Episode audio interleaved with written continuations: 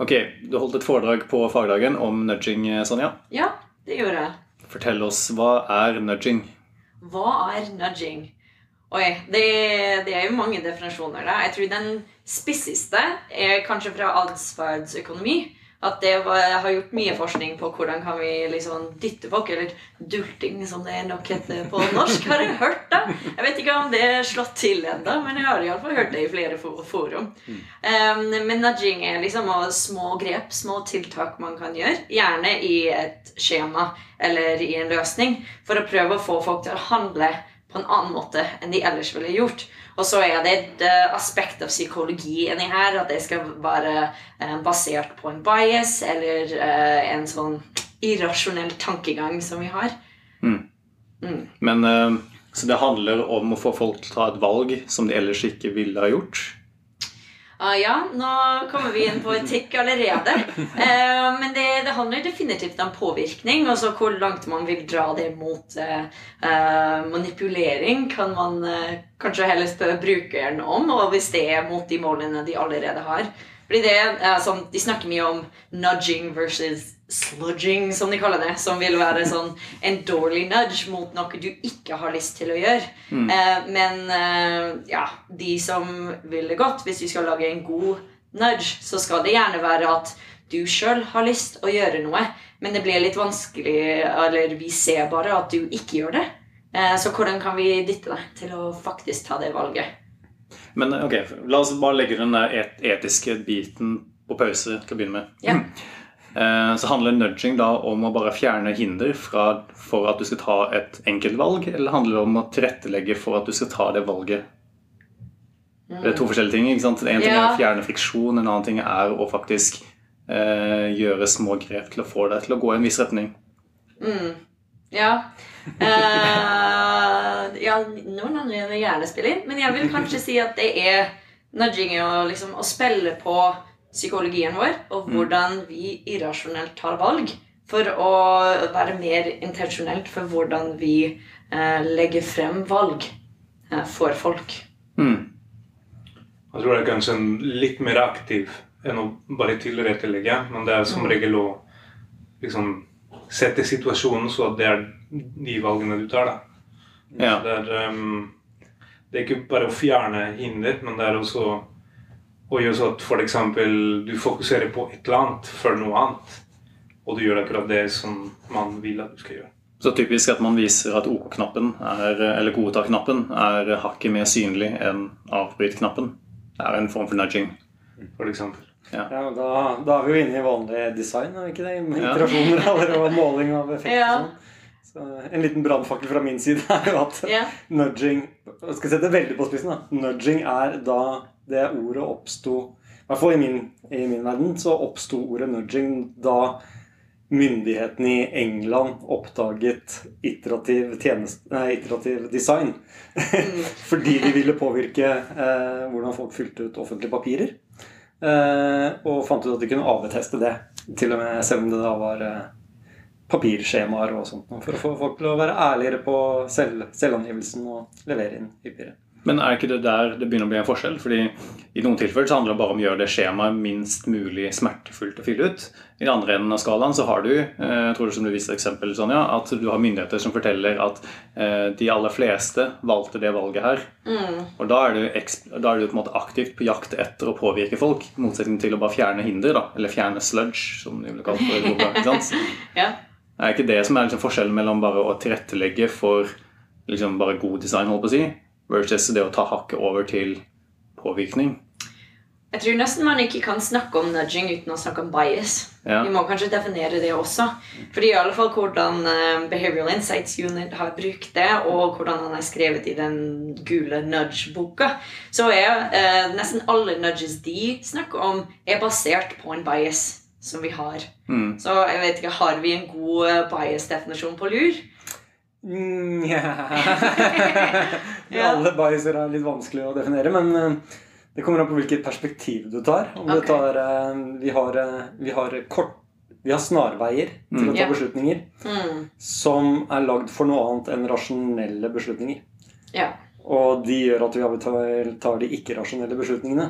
Det er i hvert fall fra min, mitt fagfelt så er det det som forklarer alle disse biasene i, i eh, sånn økonomisk eh, sammenheng. Da. Og det er heuristikker, ikke sant? Det er Ja. samme som den der uh, Thinking Fast and Slow-boka snakker om. at du har liksom, Så det er rask tenking. Så det er rask tenking vi har Ja. som regel biaser. Ja, Ja. og et eksempel som du er innom, er jo dette med at vi overvurderer verdien av penger vi har nå, kontra penger vi har i framtiden. Ja. Så det ville vært uh, noe som heter present bias. At vi eh, sånn, eh, tar valg ut ifra hva som er bra for oss nå, fremfor hva som er bra for oss i fremtiden. Selv om det er kanskje bedre for oss å velge det som er bra for fremtiden. Ta uh, og spare til pensjon, f.eks. Uh, det er noe vi alle vet vi burde gjøre, men det er mye enklere å kjøpe den cheeseburgeren med saftis etterpå enn å liksom sette av de pengene til pensjon etterpå. Eller bare komme i gang med sparing. Hvordan vet vi hva som er best, og hvem skal vi spare gjennom? Det er et kjempekomplekst eh, eh, valg vi må ta. Så istedenfor å bruke masse energi på å prøve å finne ut hva som er best, så lener vi oss da på de biasene vi har. Så da um, uh, Ikke alltid rasjonelt.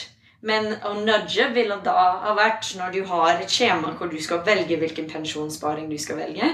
Eh, så tenker vi som designere på ok, hvilken biaser er i gang her. Ikke sant? Så hvis jeg ville spille på presence bias, så kunne jeg sånn uh, Kom i gang nå, så kan jeg synliggjøre det du får i fremtiden. Så veldig ofte er nudges basert på uh, en bias, da. Ganske direkte. Så man utnytter en bias som en, Ja. som en person har. Ja. For, Til, til å motvirke den. Til Ja. å ja. Enten til å motvirke den fordi man vet at den er der, eller til å motvirke en annen bias som eh, kanskje står i spill der.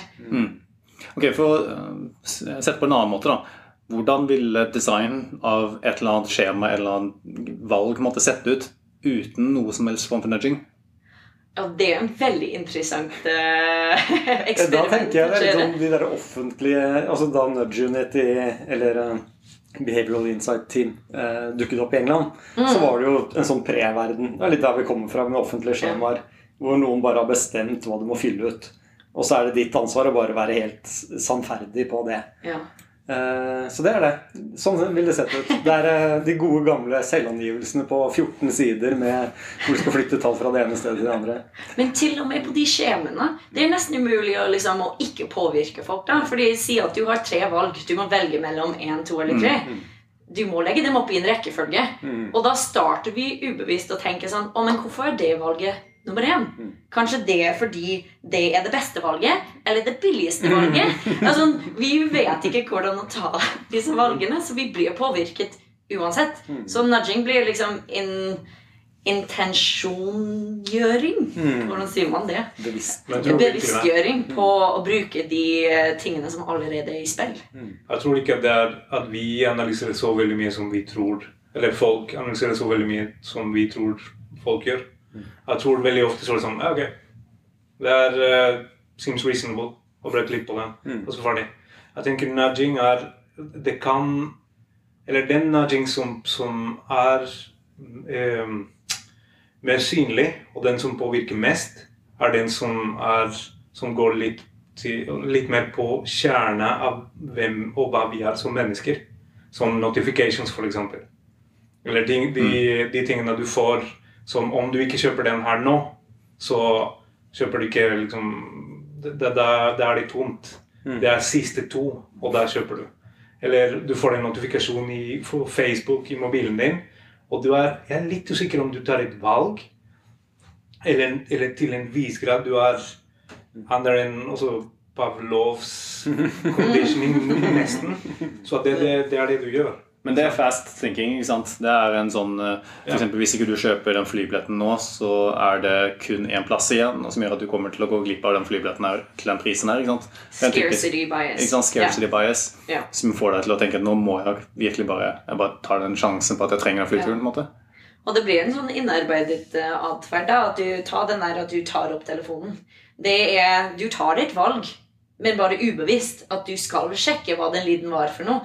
Fordi de aller fleste gangene når du har sjekket det før, så har det vært noe interessant. Um, så da velger du ubevisst at, sånn, uh, at du skal gjøre det. Men det er litt det nudging handler om. At det ikke er bevisst valg lenger. Det er ubevisst, det er thinking fast, det er ja, Kalle det en bias, da. At du gjør det uten å tenke. Og det er de tingene som arbeider rundt nudging, prøver å jobbe litt mer intensjonelt rundt. da. Ok, da kan vi snevre litt grann selve ideen med, med nudging. At den Altså, vi tar på en måte litt til side den overkomplisert. Vi analyserer hvordan det går litt på den Altså hva kommer først eller etter i en skjema. Mm. Men den der er, den krever en vis Altså en vis analyse, da. Mm. Sant? Mm. Så det er um, Ja. Men jeg har også litt lyst til å høre litt om hvordan dere bruker nudging eller choice architecture eller noe sånt i eh, designarbeidet vi gjør. Men uh, før det, du fikk en melding i stad, Sonja, og Ja. du måtte se på den. Ja, ikke sant? Jeg gjorde jo det. Jeg hørte var en plinging, og jeg bare måtte liksom Hvem er det? Var det viktig? Nei, det var ikke det. Det var bare Snapchat, liksom. Så Det er superviktig. Det er sosiale, Ja, ja, ja. ditt sosiale liv. Ja, det gjør jo det.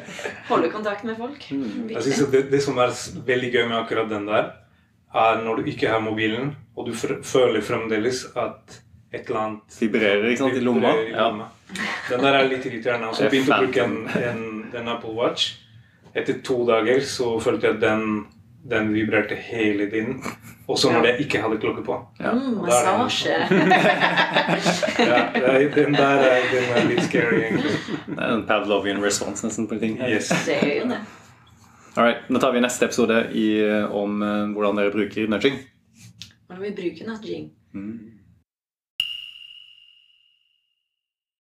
Drypp er en lavterskelpodkast fra Beck, hvor vi diskuterer diverse temaer som interesserer oss.